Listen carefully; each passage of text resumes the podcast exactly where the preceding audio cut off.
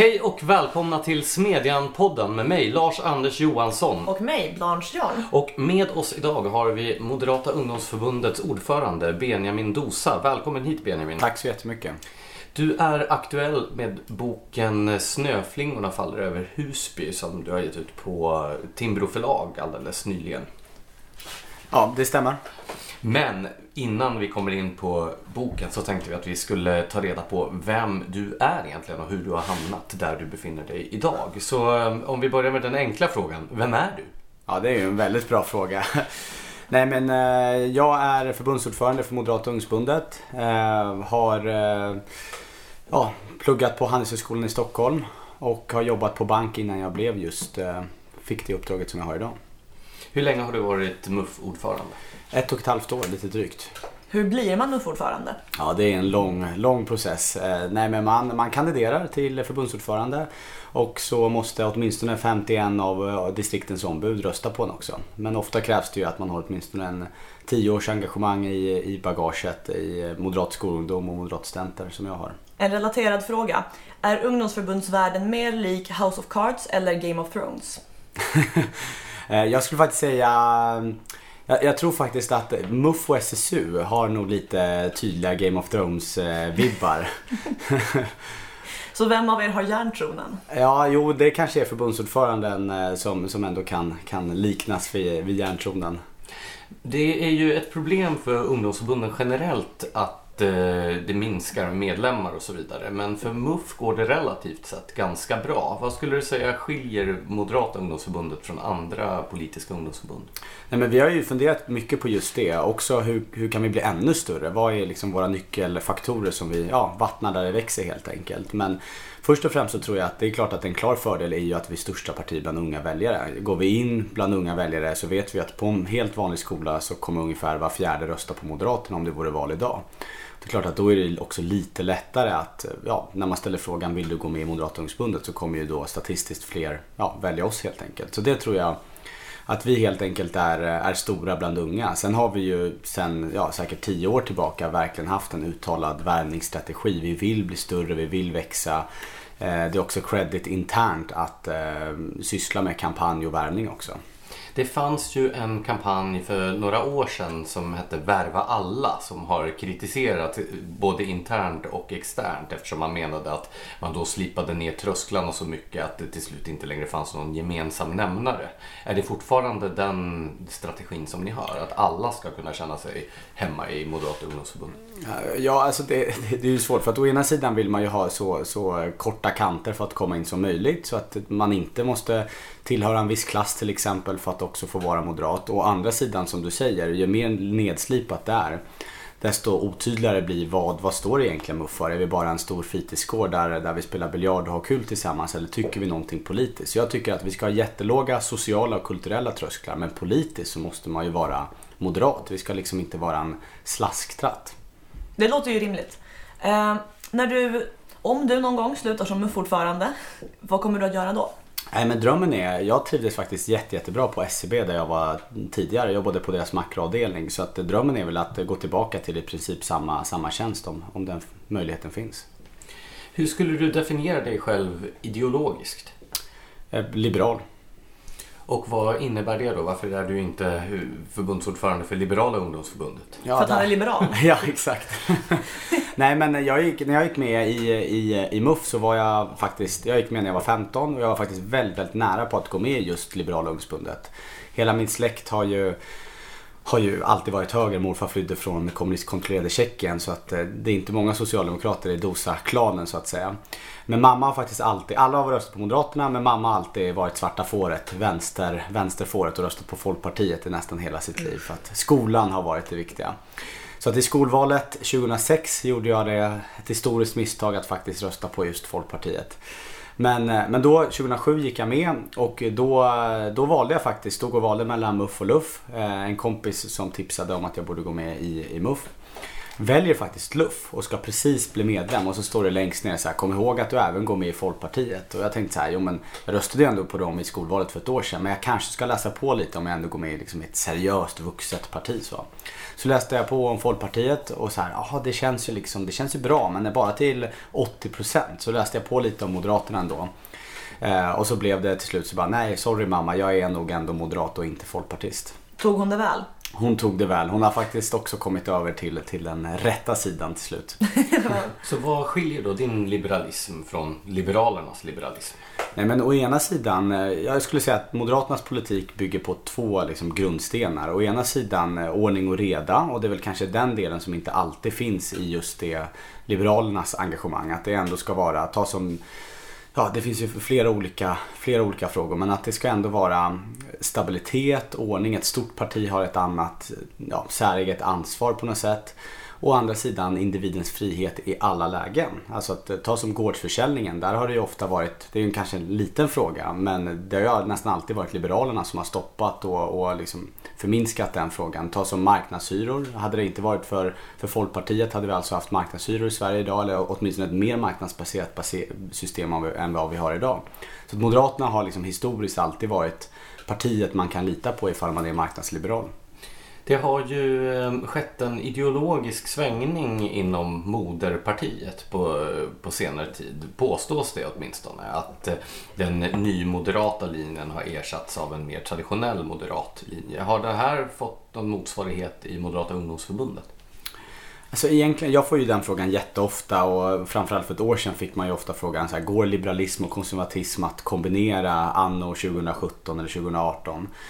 Eh, och jag skulle säga att egentligen är det ju inte partiet som har förändrats så enormt mycket utan samhället och Sverige som har förändrats ganska mycket. Eh, och det har ju gjort att liksom det ena benet, just det här ordning och reda, det här lite tråkiga, det lite eh, strama, det har då liksom fått kicka in mer för att Sverige har, har helt enkelt förändrats i en ganska stor utsträckning. Så att jag menar, Nya Moderaterna, vad är egentligen liksom kärnan? Vad var verkligen kärn, kärn, kärnbudskapet i Nya Moderaterna? Det är klart att det fanns också återigen det här vässa, vässa ner trösklarna och det är vi ju fortfarande att vi försöker vara ett så brett parti som möjligt. Men det viktigaste skulle jag säga det är ju att man ska ligga nära nära väljarna, nära, nära medborgarna. Man ska alltså inte prata om, om, om alla medborgare vill prata om brott och straff och lag och ordning, då kan man alltså inte prata om helt andra ämnen än vad de är intresserade av. Som vi gjorde 2002 till exempel. Eh, så att det är väl liksom, och det finns väl kvar i, i väldigt hög utsträckning hos oss. Slutligen innan vi kommer in på din bok. Ifall du en vacker dag skulle bli statsminister, vilken myndighet lägger du ner först? Ja, bra fråga. Det beror väl lite på vilka myndigheter som redan är, är nedlagda. Och hur många nya som uppkommit. Ja, exakt, exakt. Eh, men eh, jag gissar väl att typ Arbetsförmedlingen måste ju, eh, måste ju vara nedlagt redan, ja, om vi tänker att det här är om 30 år eller något sånt. Så att Arbetsförmedlingen finns inte, inte ens någon liksom ersättare. Men det är väl kanske, om jag ska köra något lite roligare, Folkhälsomyndigheten eller något sånt. Ändå lite kul. Jag respekterar det. Ja. jag vill ju inte att den ska finnas kvar om 30 år heller. Nej, sant. Men jag förstår vad du menar. Titeln på din bok, Snöflingorna faller över Husby, vad syftar den på? Husby vet vi ju vad det är, men ja. snöflingor, vad innebär det i sammanhanget? Nej, boken handlar egentligen om två olika, två olika delar som jag försöker fläta samman. Å ena sidan Husby som egentligen eh, absolut handlar om Husby men i större utsträckning om ja, särskilt utsatta områden, integration och migration i största allmänhet. Eh, och Snöflingorna som jag försöker beskriva, min ungdomsgeneration, människor födda eh, 1980 eller senare. Som alltså å ena sidan är väldigt individualistiska. Som en snöflinga, man är helt unik. Alla är sig, sig varandra olika helt enkelt. Å andra sidan bräcklig och man kan snabbt smälta ifall man utsätts för tuffa, oliktänkande åsikter till exempel. Ja, det finns ju en konstig dissonans i det här begreppet. Att en snöflinga är ju å ena sidan som sagt väldigt unik och speciell och det är liksom jag som individ som är i fokus hela tiden. Men å andra sidan är det ju också väldigt kollektivistiska i det att det är liksom de kollektiva grupptillhörigheterna som, som är vad det räknar egentligen. Så... Um... Det här begreppet har ju använts inom eh, alternativhögern också. Hur eh, har bokens titel tagits emot? Har du blivit ihopbuntad med, med den typen av rörelser?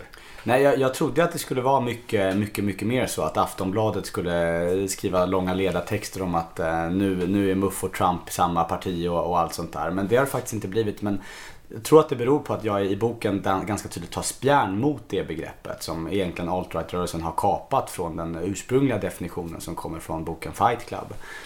Eh, som är helt enkelt, eh, ja det, det, är där, det är där det kommer ifrån. Eh, och, så att jag går mer på liksom ursprungsdefinitionen. Och sen i Sverige är ju en helt annan politisk kontext än vad som finns i, i USA. Å ena sidan inte samma hårdnackade republikanska höger. Å andra sidan inte samma nästan extremt identitetspolitiska akademiska vänster. Så. Förutom då Miljöpartiet. Ja. Eh, men, eh, nej, men jag tänker på att du skriver ju även i din bok att eh, du tycker det finns höger snöflingor. Inte bara vänster snöflingor som ju är de man normalt tänker sig med liksom fjällräven, konken och liksom bor på Södermalm och hela grejen. Men så här, vilka är högersnöflingorna? Vad är deras grej?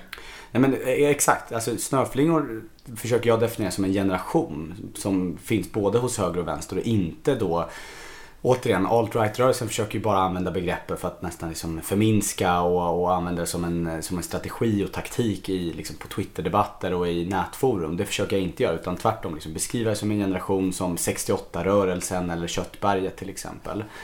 Uh, Köttberget? Ja, Köttberget. Det är, inte, det är inte så smickrande namn heller. För det är din generation där, Anders. Det var väl... Eh, lite tidigare tror jag. Det var väl 40-talisterna? ja. Det var Per Nuder som myntade begreppet. Exakt. Ja. Charmigt. ja.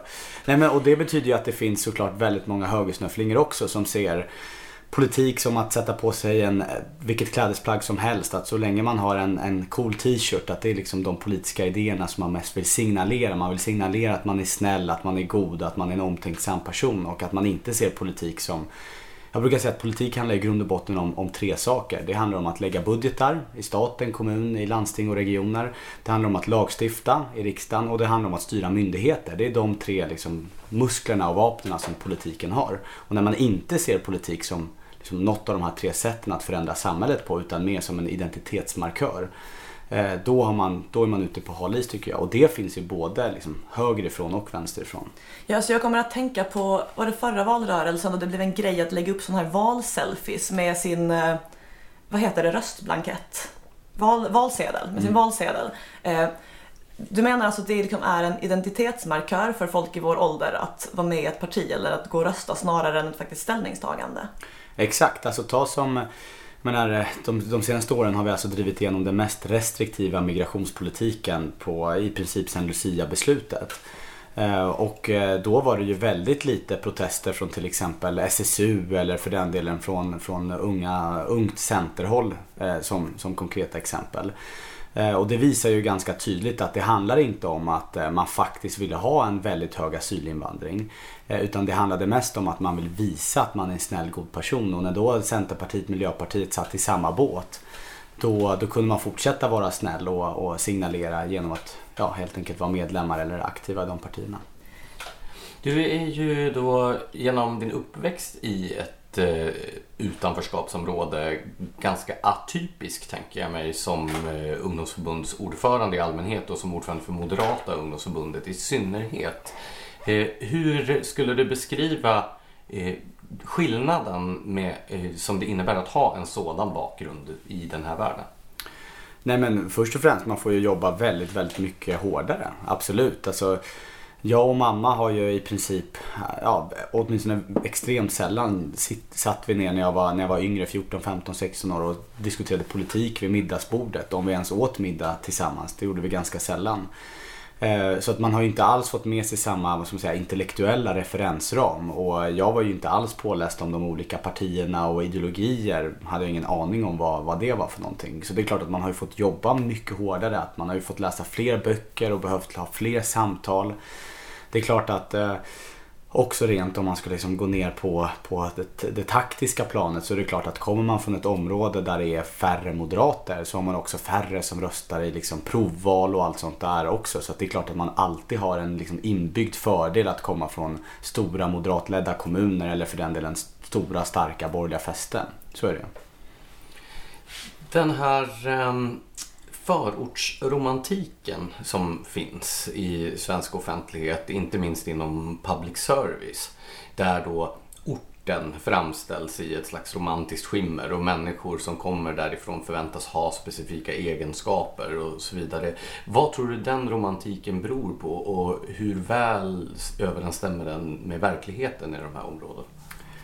Bra fråga. Jag, eh, jag är inte helt, helt säker men jag tänker mig väl att eh, många av de här journalisterna i till exempel public service kommer väl från en ganska traditionell eh, medelklass, övre medelklassbakgrund.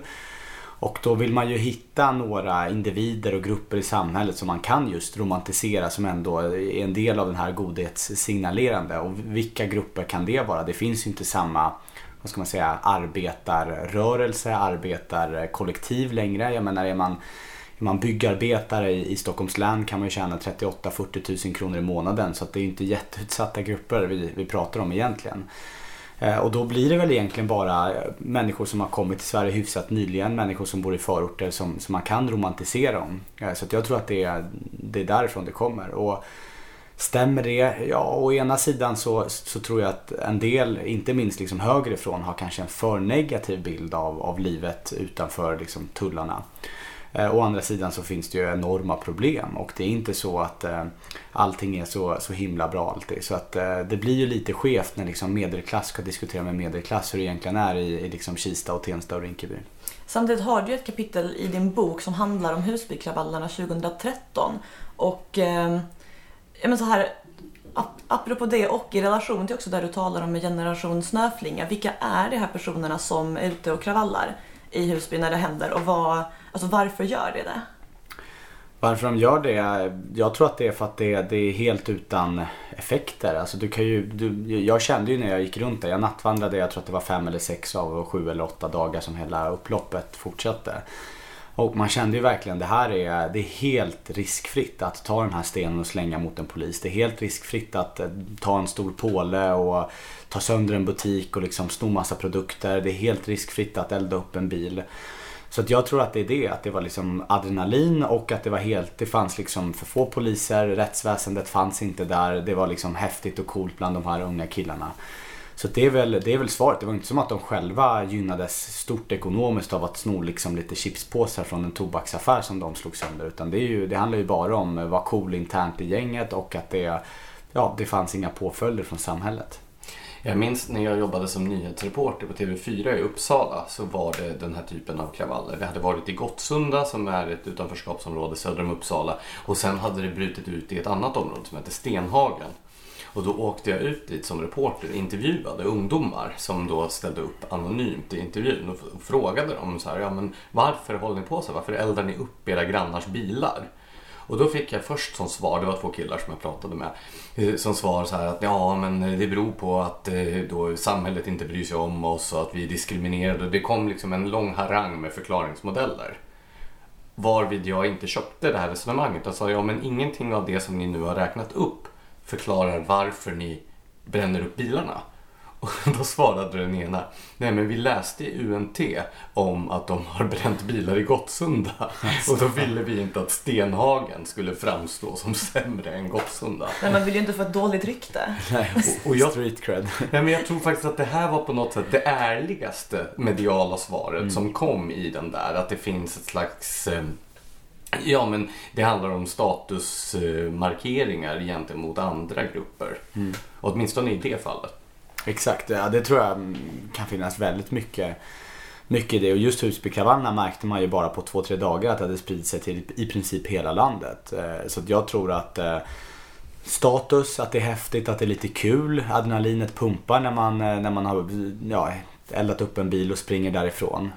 Och som sagt helt, helt riskfritt. Alltså det är ju i princip det är extremt få domar som kommer från Husbykravallerna.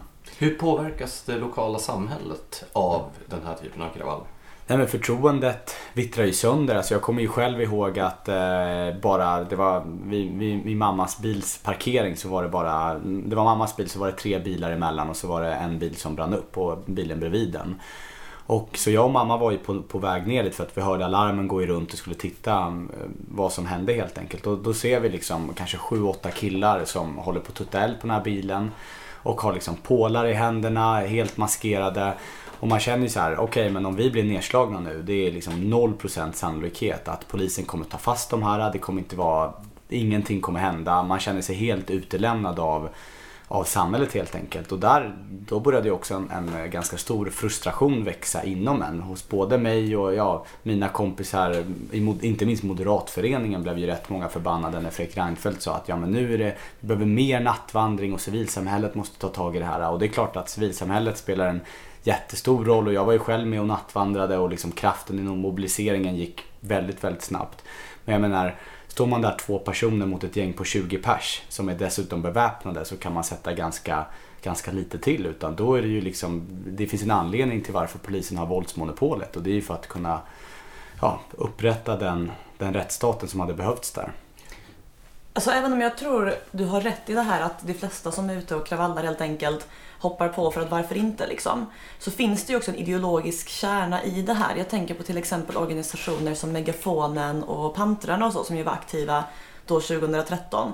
Eh, och det har ju den här synen att eh, om du bor i förorten och är som det heter rasifierad så är liksom hela samhället riggat emot dig. Och du eh, jag menar, det finns liksom en strukturell och institutionaliserad rasism som gör att du ändå liksom inte har en, en chans egentligen hur mycket du än anstränger dig. Och om man sprider den idén så kanske det är så att folk helt enkelt lär sig eller jag menar, så att bara, bara tar in idén och låter den permanentas. Att det är ingen idé att försöka. Alltså jag kan lika bra börja kravalla och bråka för att Alltså vad, vad, så här, hur goda är mina chanser överhuvudtaget att lyckas om jag gör någonting vettigt av mitt liv istället? Mm. Och man har ju alltid en bortförklaring redo. Att det är, jag menar, det är inte för att jag helt enkelt är liksom en, en allmänt ond person som jag går runt och slår sönder de här tobaksbutikerna. Utan det är ju för min tuffa uppväxt och det är rasism som gör att jag aldrig kan skicka iväg ett CV. Jag har i och för sig aldrig provat att skicka ett, iväg ett CV. Eh, utan det, ju, det, skulle ändå inte göra någon nytta. Så det är klart att det sätter ju en, en ton. Och alla menar, svenska myndigheter, socialförvaltningar, liksom föreningsstöd, allt i Sverige är ju riggat för att liksom förstärka just den här bilden också. Ja, alltså faktum är att din bok påminner mig om en amerikansk bok som du kanske har läst, uh, Hillbilly Elegy. Mm. Eh, den är ju skriven av J.D. Vaughan som kommer från det här rostbältet som har sin hillbilly-stereotyp och det är ju en annan kultur än den som finns i svenska förorter. Men han beskriver liksom en grej som påminner om vad du säger och skriver om. Nämligen att folk i det här rostbältet har institutionaliserat känslan att de inte kan lita på, ja, på nyheterna eller på politikerna och att universiteten som är vägen till ett bättre liv och så eh, är riggade mot dem. De får inga jobb så att det är helt enkelt ingen anledning att anstränga sig och därför deltar det inte meningsfullt i samhället. Alltså, känner du igen den här parallellen till andra kulturer som hamnat utanför i andra länder? Alltså inte alls lika liksom, långt gånget om man säger så. Delvis så tror jag att i rostbältet så har det ju varit liksom, i generationer på ett annat sätt och de är geografiskt isolerade också.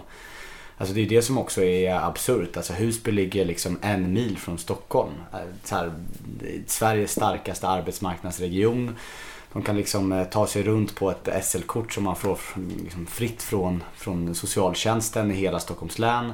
Så att man är ju verkligen eh, liksom inkluderad på det sättet. Så det gör ju ändå att man ändå liksom, trots allt är mer delaktig tror jag. För jag har ju läst den här boken och kände verkligen så här, oj det här är en, det här är en ny dimension, det här är en ny nivå av, av det hela. Mm. Eh, även om det såklart fanns, fanns liksom likheter.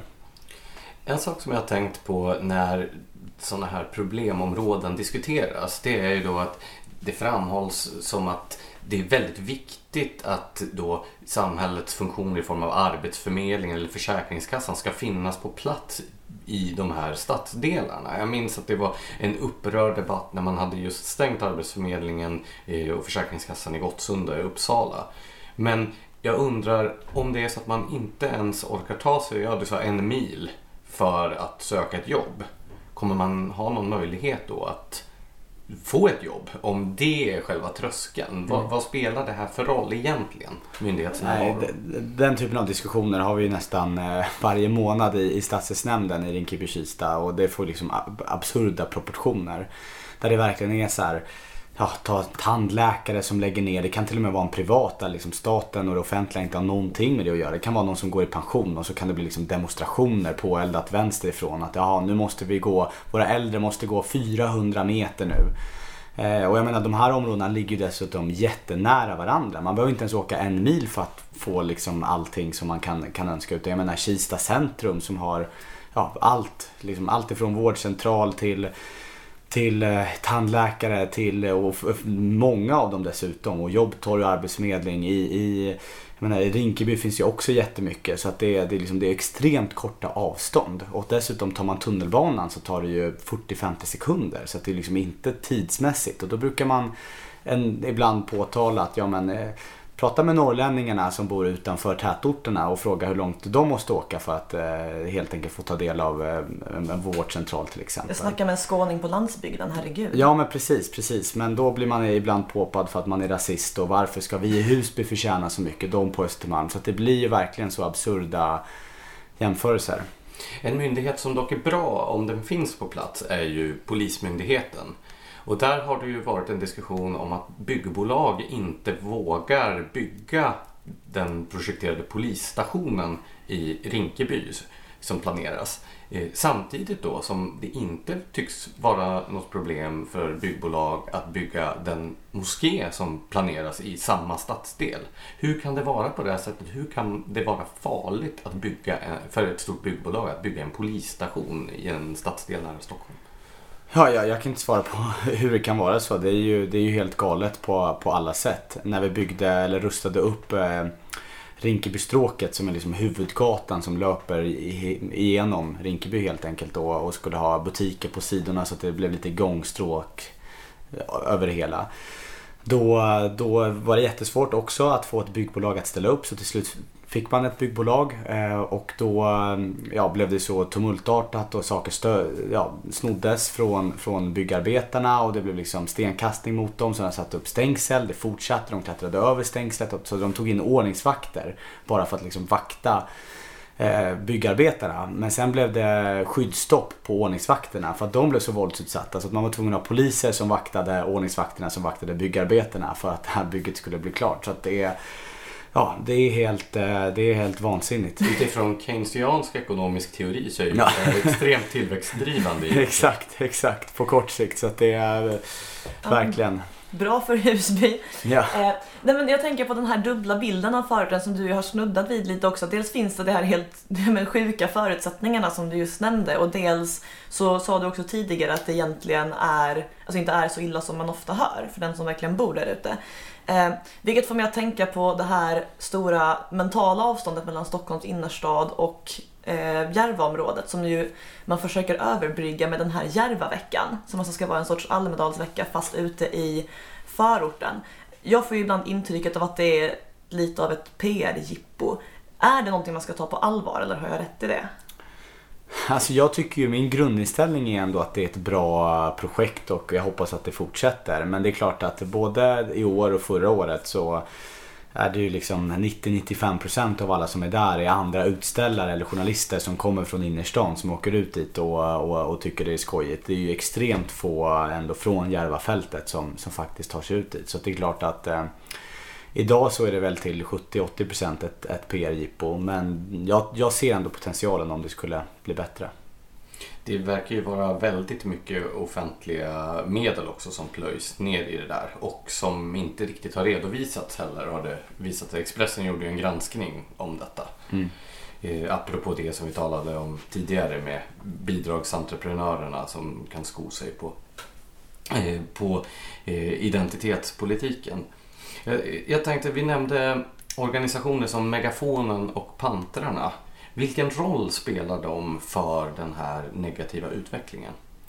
Nej men de eldar ju på en bild av att eh, förorten är så himla utsatt. Just Megafonen var ju under Husbykravallerna ännu värre och nästan liksom, på gränsen uppmuntrade till, till just upplopp och till att eh, ja, ta till våld helt enkelt. Så att eh, det är ju liksom en, vi har ju hur många sådana här organisationer som helst som, som verkar i, i områdena och de hittar ju på sysslor som de själva ska göra. Jag, senast berättade min stadsdelsdirektör att de hade träffat en ett gäng unga killar som ansökte om några hundratusen som ville vara förebilder ute i Rinkeby och i Tensta. För att de ville visa att ja, man kan, det, kan, man, det, kan, det går att lyckas därifrån. Och då frågade hon, och de var kanske 28, 29 år och då frågar hon, men på vilket sätt har ni lyckats? På vilket sätt är ni bra förebilder? Har, liksom, har ni tagit examen eller jobbar ni? Så bara, nej, nej, nej, vi, vi, vi har inga jobb och vi har ingen examen men, men vi är inte kriminella i alla fall. Så det var liksom eh, kriteriet för att vara en förebild helt enkelt. De, de ja, har du lyckats pengar. få pengar så, så har du ju lyckats ja, exakt, casha in exakt, och lura exakt. systemet. I så fall så kanske det blir liksom en självuppfyllande profetia. Ja men verkligen, verkligen. Men det är ju, det, det där är vardagsmat verkligen att det kommer sådana föreningar som hittar på äh, grejer som de vill söka medel för. Vi har, du tänkte också referera till vår granskning i Smedjan av rådet av enade kreoler som ville ha flera hundratusen för att chilla organiserat, eller hur? Ja, deras eh, huvudsakliga mål var att skapa en lokal vilket de, för ungdomar att chilla i. Vilket de fick hundratusentals kronor för och eh, de lyckades inte åstadkomma en lokal. Jag, jag tror de hade en lokal ett litet tag men det var för stökigt så att det blev utslängda. Vilket jag tror antyddes ha att göra med rasism också på något ja. vis. Vilket för oss in då på en angränsande fråga som du tar upp i din bok. Nämligen detta med hur många unga som tror att rasism är ett av de största samhällsproblemen i Sverige. Vill du utveckla det resonemanget? Nej men jag vill börja med att säga att det är klart att eh, rasism finns i Sverige. Jag menar jag blir själv utsatt för rasism minst en gång i veckan på Twitter och folk som tycker jag ska lämna landet och dosa är minsann inte svenskt. Och jag heter ju Arif för mellannamn och det är absolut inte accepterat om man är en stark Sverigeanhängare så att säga. Men så att rasism finns, det är inte som att det inte finns. Men det är inte det som är den stora förklaringen till varför liksom 840 000 människor lever på bidrag i Sverige. Och det är ju det, man måste förstå liksom proportionerna i, i allt det här. Och när man då är ute och pratar med förvaltningen i min egen stadsdelsnämnd så känns det ibland som att många tjänstemän tror att ja, men de försöker de här unga människorna, framförallt de unga killarna, men de, de får aldrig komma till intervju. De har sökt 50-60 jobb och ändå så får de aldrig jobb på ICA eller Coop. Och jag menar, jag har ju aldrig, jag har på riktigt aldrig träffat någon av de här unga killarna som har sökt så många jobb. Som sagt, vi bor alltså i Sveriges starkaste arbetsmarknadsregion. Skriver man ett okej CV och skickar det till i princip alla ICA-butiker i hela länet. Ja men då får man väl i värsta fall sätta sig på bussen i 30 minuter och åka till Upplands Väsby och jobba på ICA där. Men jag har aldrig träffat någon som har sökt så många jobb. Så att det, det är inte rasism som håller de här unga killarna borta från arbetsmarknaden. Även om det finns rasister i Sverige. Varför tror man då att det är rasism som ligger bakom det? Därför att alternativet till att tro att, ja, alternativet till det, det är ju att de helt enkelt måste klippa sig och skaffa ett jobb. Och det är ju ett ganska barskt och hårt uttryck så att säga. Eh, och det, det vill de ju inte för att de vill ju signalera att de är snälla och goda. Ja, alltså du skrev ju en väldigt intressant förklaring till identitetspolitiken i din bok där du uttrycker det som att identitetspolitiken är marknadens svar på den existentiella ångest som inträder av att inte klättra socialt.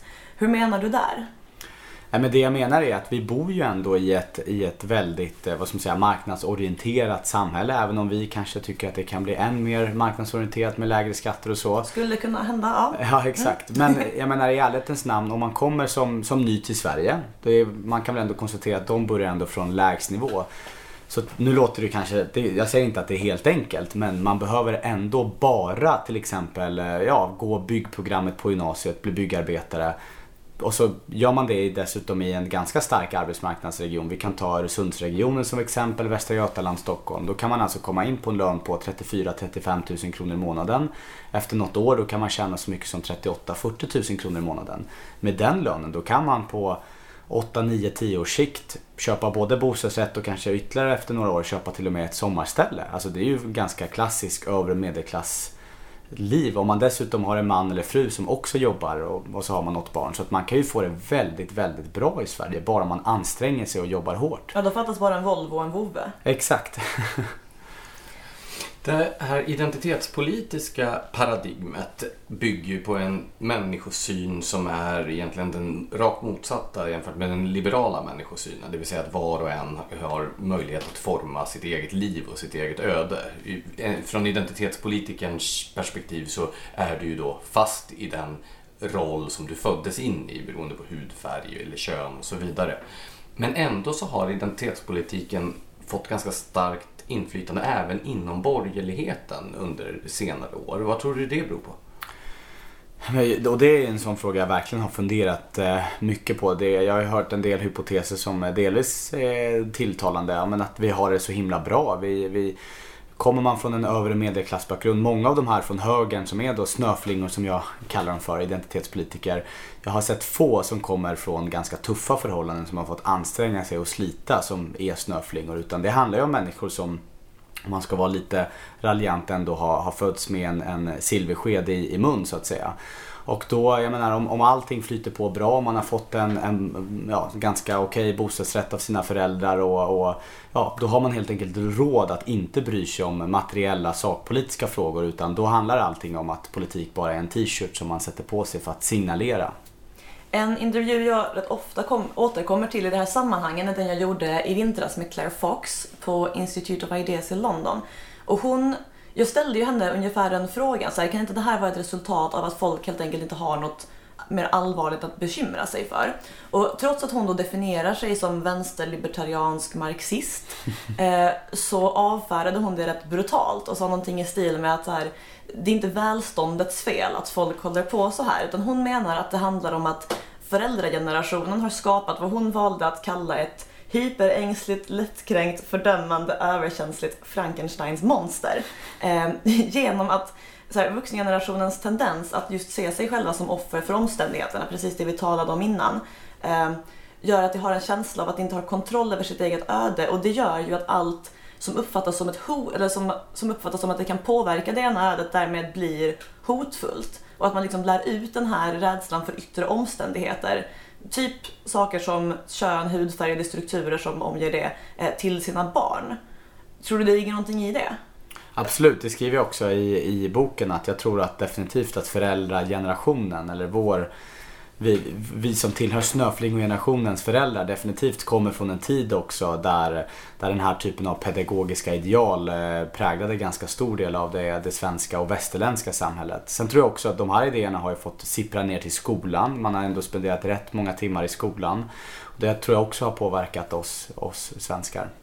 Jag tänker även om man skulle då köpa den förklaringen som du hade först där. Att om man har det bra så behöver man inte oroa sig för det materiella och då börjar man fundera mer kring kulturella, sociala frågor. Så, så är det ju ändå inte en förklaring till varför så många borgerliga ansluter sig till vänsterlösningarna på de här problemen. Alltså kvotering som en lösning på eh, ojämlikhet till exempel. Just de kollektiva lösningarna.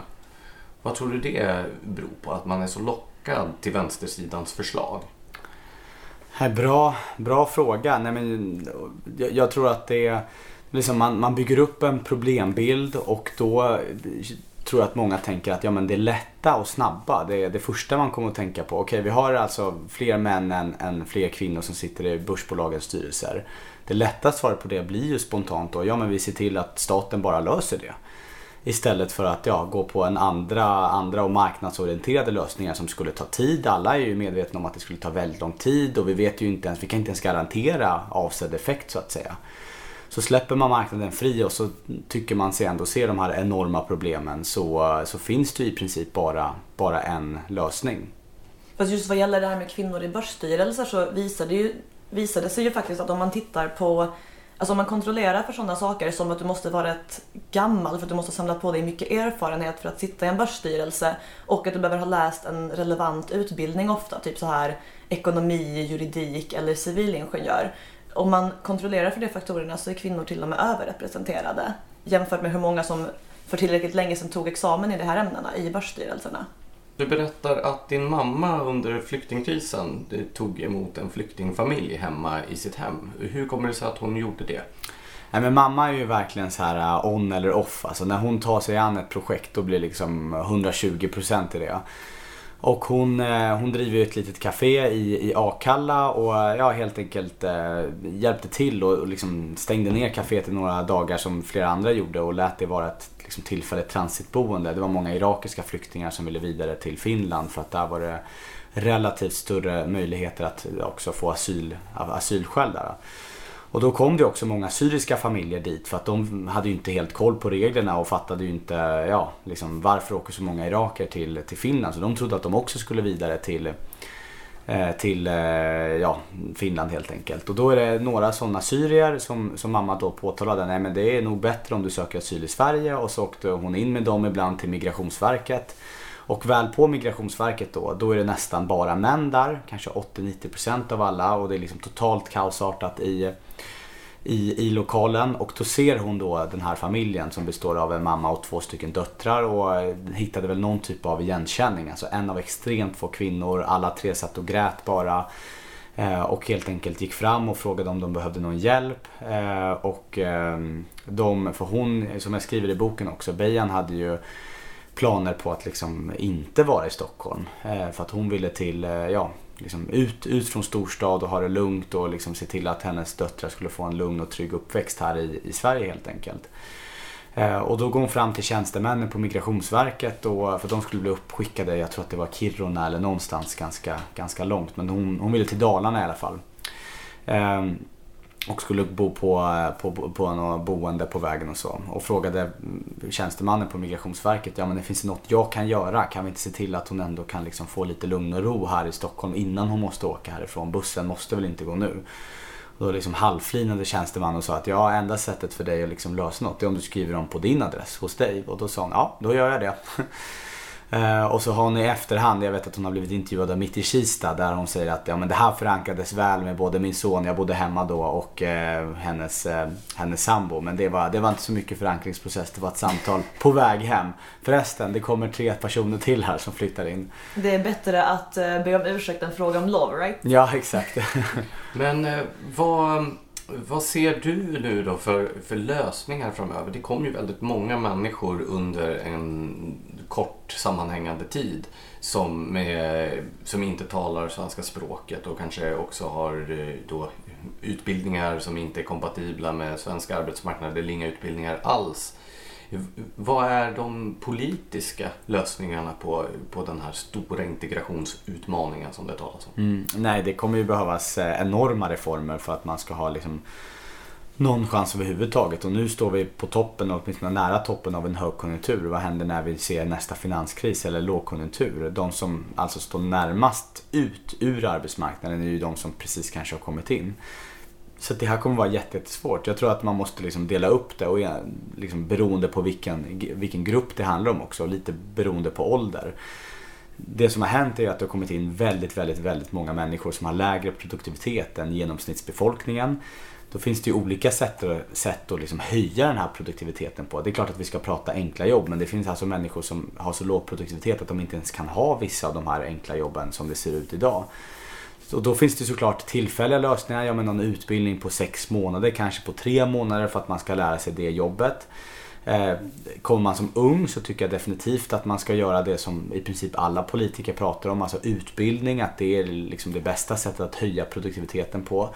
Men sen måste man också se till att eh, ja, helt enkelt ingångslönerna är så att man kan komma in på den, den nivån man befinner sig på. Och det måste också vara mer lönsamt att eh, att jobba. Och det låter så lite torrt och ett klassiskt moderat att alltid tjata om att det ska löna sig att jobba. Men idag staplar man liksom olika typer av bidragssystem på varandra. Så kan de i vissa fall då överstiga nivån som man kan få om man jobbar på till exempel McDonalds. Och det tycker jag är, är orättvist. Hur ser du på det här systemet med kommunplaceringar av, då, av flyktingar eh, där man placerar dem på de orter i Sverige där det finns absolut sämst förutsättningar på arbetsmarknaden eftersom det är där det finns tomma bostäder? Nej, det är ju, det är ju jätteproblematiskt och inte minst eh, det aktuella, eller det är ju inte aktuellt längre, men DN har gjort en egen granskning om det här Sandviken-exemplet där Vissa kommuner har kortsiktigt boostat upp sina ekonomier och verkligen haft eh, stabila inkomster från, från staten. Det, jag tror att det är, får vi en lågkonjunktur så finns det vissa sådana såna kommuner som har tagit emot väldigt många och när, när de stöden efter två eller kanske efter tre om man ändrar då nuvarande regelsystem tar slut och så har vi en lågkonjunktur där den normala skattebasen också minskar, kommer få det tufft och kanske inte ens kommer klara av det. Så det är klart att det, det systemet vi har haft är inte på något sätt eh, rimligt. Så vad hoppas du att en ny regering i, efter valet i höst gör åt det? Nej men det jag hoppas är en riktigt, vi behöver en riktigt djupgående och stor bidragsreform. Återigen, det kan inte vara så att man kan stapla olika typer av bidrag på varandra så att de överstiger då nivån för att jobba hårt. enorma skattesänkningar. Eh, Allt ifrån liksom eh, mer kraftigt utvidgat rutavdrag, den typen av frågor. Men det är så här, det finns ju också som har fått väldigt lite utrymme i den politiska integrationsdebatten. Tar man Rinkeby som exempel så är det alltså rätt många kvinnor som inte lever på bidrag och inte jobbar för att de är försörjda av sina män. Eh, och där har vi också en, en, en svår puck. Att hur mycket, som, man, som moderat så känns det ibland som att generallösningen är bara sänk skatten och ha stramare bidrag och så kommer folk söka sig till arbetsmarknaden. Men på grund av ja, kulturella skillnader från, från Sverige och som man har med sig från bagaget. Så trots hur strama bidragssystem man än har, tar man inte ut några bidrag idag så kommer det ändå inte påverka en. Så det är alltså tusentals kvinnor som, som kommer vara otroligt svåra att få ut på arbetsmarknaden.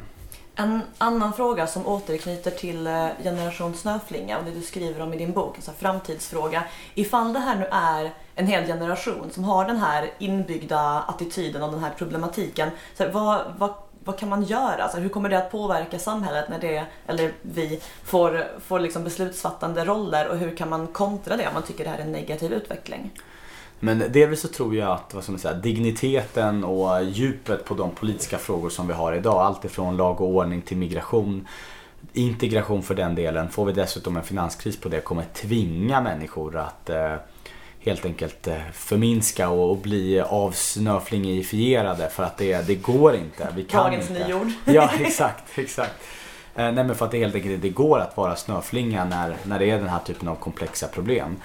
Eh, men långsiktigt så tror jag att det bara kommer fortsätta om vi inte tar tag i de värderingarna som finns i samhället och framförallt skolan. Så alltså jag, jag tror verkligen skolan har haft en, en nyckelroll för att skapa den här snöflingogenerationen. Du har ju också gjort en enkätundersökning där du undersöker ett antal olika attityder till vad unga människor idag förväntar sig på arbetsmarknaden. Och där konstaterar du att en stor grupp förväntar sig till exempel att, bli, att inte bli kritiserade av sina kollegor på, på arbetsplatsen. Eller att eh, de förväntar sig också att de ska befordras varje år på sin arbetsplats. Jag väntar mig att bli din chef nästa år. ah, spännande. Nej men exakt de här klassiska, det, det, det försöker jag också skriva om. Alltså de klassiska värderingarna om att man ska ja, klipp dig, klä dig helt och rent och ansträng dig och så kommer det kanske gå bra i livet. De håller sakta men säkert på att vittra sönder. Jag tar upp de här exemplen som du också nämner den här äh, Instagram-narcissismen som jag kallar det om att det viktigaste är att du kan lägga upp en Facebook-status att du hela tiden gör karriären, att du faktiskt presterar på jobbet. Jag likställer många unga med någon typ av, av aktie. Att man kommer in på en arbetsintervju och nästan företaget måste förklara, jaha men varför förtjänar du mig? Och då är det så här, jaha men du, du har ju inte jobbat förut. Ja men, nej, men, jag, men jag, jag är en aktie om tio år, då jäklar kommer jag prestera. Jag har inte presterat hittills men du ska bara se min tillväxtkurva. Om jag bara får det här chefsjobbet med eget kontor och, och, och allt vad det är. Det som jag tycker är nästan mest eh, allvarligt är, är statistik från eh, World Value Survey som visar att eh, bara var, var fjärde ung tycker att det är fel att ta bidrag som man inte har rätt till. Och de värderingarna har kraftigt vittrat sönder de senaste 30-40 åren i Sverige. Men då så 75% tycker det är helt okej okay att bidragsfuska? Ja, bland unga. Fan.